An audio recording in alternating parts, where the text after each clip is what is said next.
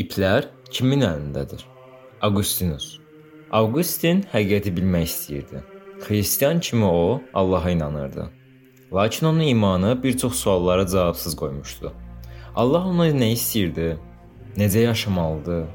Nəyə inanmalıdır? O həyatının çox hissəsini bu suallar üzərində düşünüb yazmaqla keçirmişdi. O, böyük qumar oynayırdı. Cəhənnəmdə əbədi yanma ehtimalına inanan insanlar üçün fəlsəfi səhvə yol vermək çox ağır nəticələrə səbəb ola bilərdi.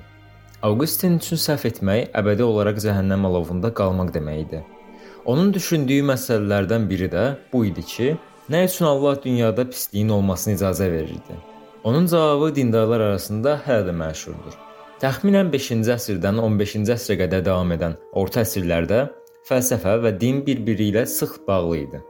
Orta əsr filozofları fəlsəfəni Platon və Aristotel kimi qədim Yunan filozoflarından öyrənmişdilər. Lakin onlar öz dillərinə uyğunlaşdıraraq fikirlərini mənimsəmişdilər. Bu filosofların əksəriyyəti xristianlar idi. Lakin Maimonides və Avicenna kimi mühüm yəhudi və ərəb filosofları da var idi. Sonradan müqəddəs elan edilən Avqustin bu filosofların ən böyüklərindən biridir. Avqustin Şimali Afrikada o vaxtlar Roma imperiyasının bir hissəsi olan indi Əlcəzairi adlandırdığımız Tegastedə anadan olmuşdu. Onun əsl adı Aurelius Augustinus idi. Baxmayaraq ki, o demək olar ki, istinasız olaraq bu gün ya müqəddəs Avqustin, ya da sonralar yaşadığı şəhərə görə Hippolo Avqustin kimi adlandırılırdı.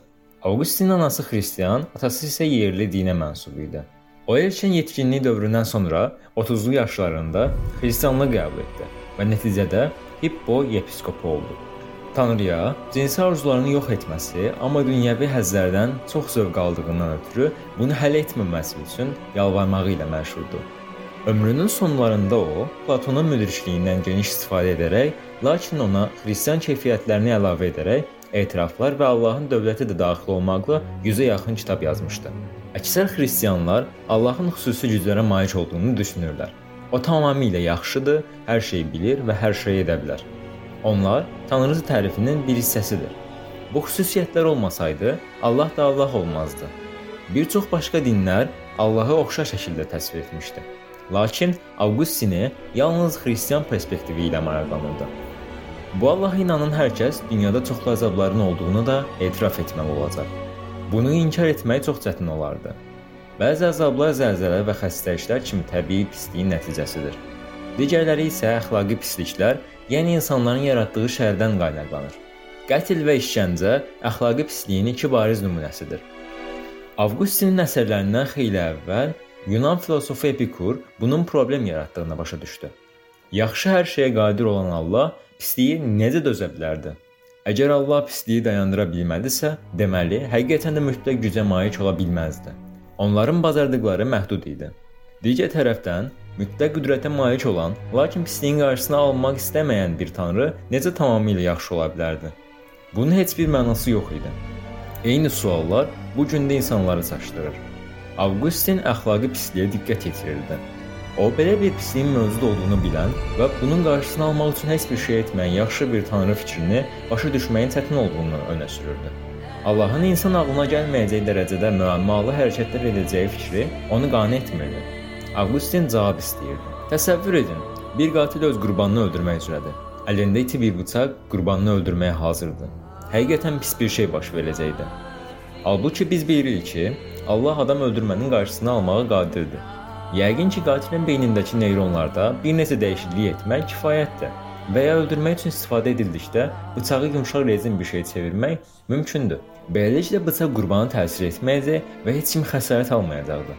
Allah hər şeyi tamamilə bildiyi üçün nə olacağını da bilməlidir. Bundan heç nə qaçmır. Mütləq yaxşılığın tərifinə görə onun pisliyin baş verməsini istəməsi halı ola bilməz. Amma qatil yenə də qurbanını öldürür. Polad bıçaq rezinə çevrilmir. İldırım çaxmır, şimşək çaxmır. Qatilin əlindəki silah möcüzəvi şəkildə yerə düşmür. Qatil son anda fikrindən dönmür. Belə olan halda burada nə baş verir? Bu klassik şər problemi Allahın niyə belə şeylərə icazə verdiyini izah etmək problemidir. Hər şey Allahdandır-sa, pislik də ondan gəlməlidir. Müəyyən mənada Allah da belə istəmişdi. Gənc olanda Avqustin Tanrının pisliyin olmasını istədiyinə inanmamaq üçün bir yol tapmışdı. Bu manixey idi. Manixeyli Fars, indiki İran mənşəli bir dindir.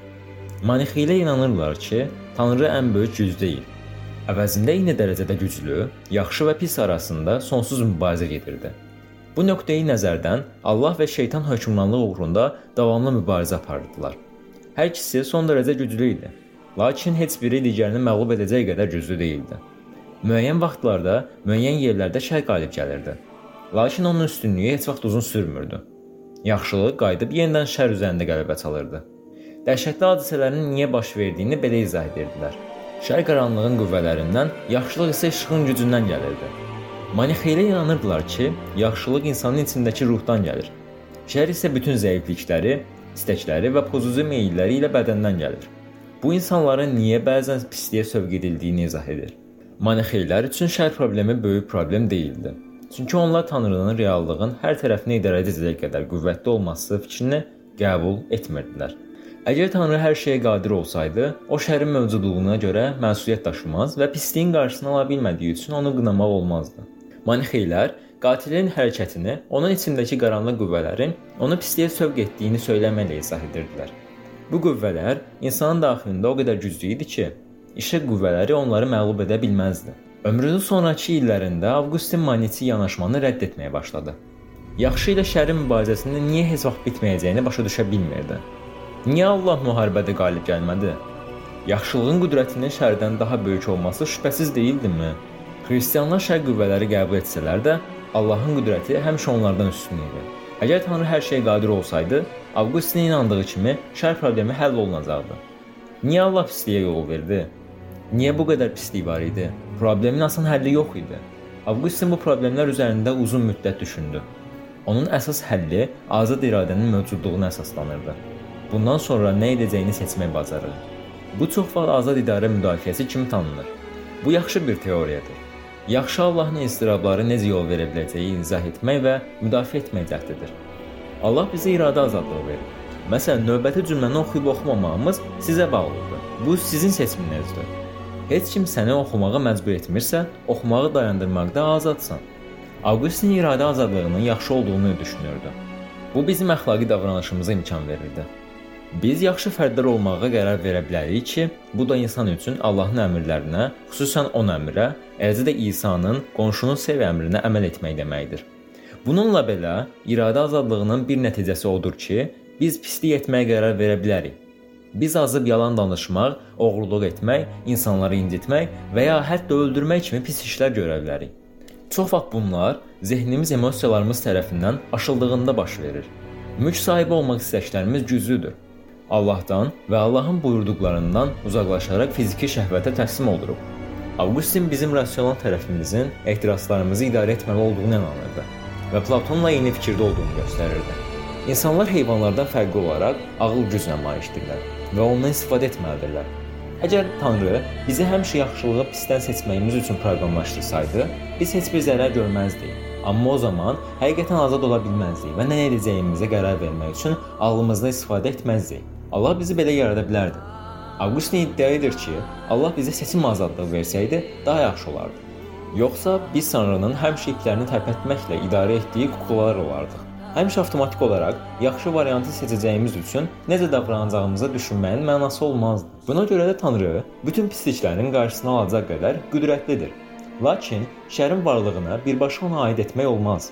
Çünki mənəvi şər bizim seçimlərimizin nəticəsidir. Augustin bir çox xristianlar kimi Adəm və Həvvanın seçimlərinin nəticəsi olduğunu qismən inandığı üçün Eden bağında işlərin dəhşətli dərəcədə pis getdiyini düşünürdü.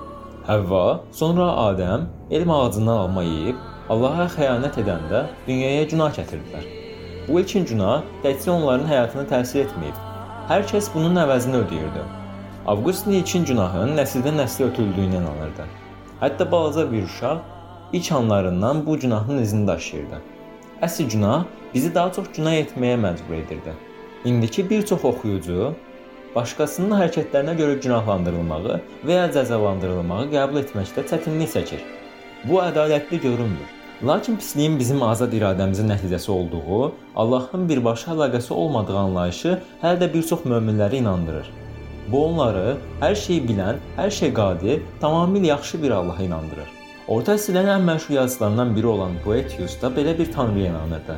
Lakin iradə azadlığı ilə bağlı fərqli bir sualla boğuşurdu.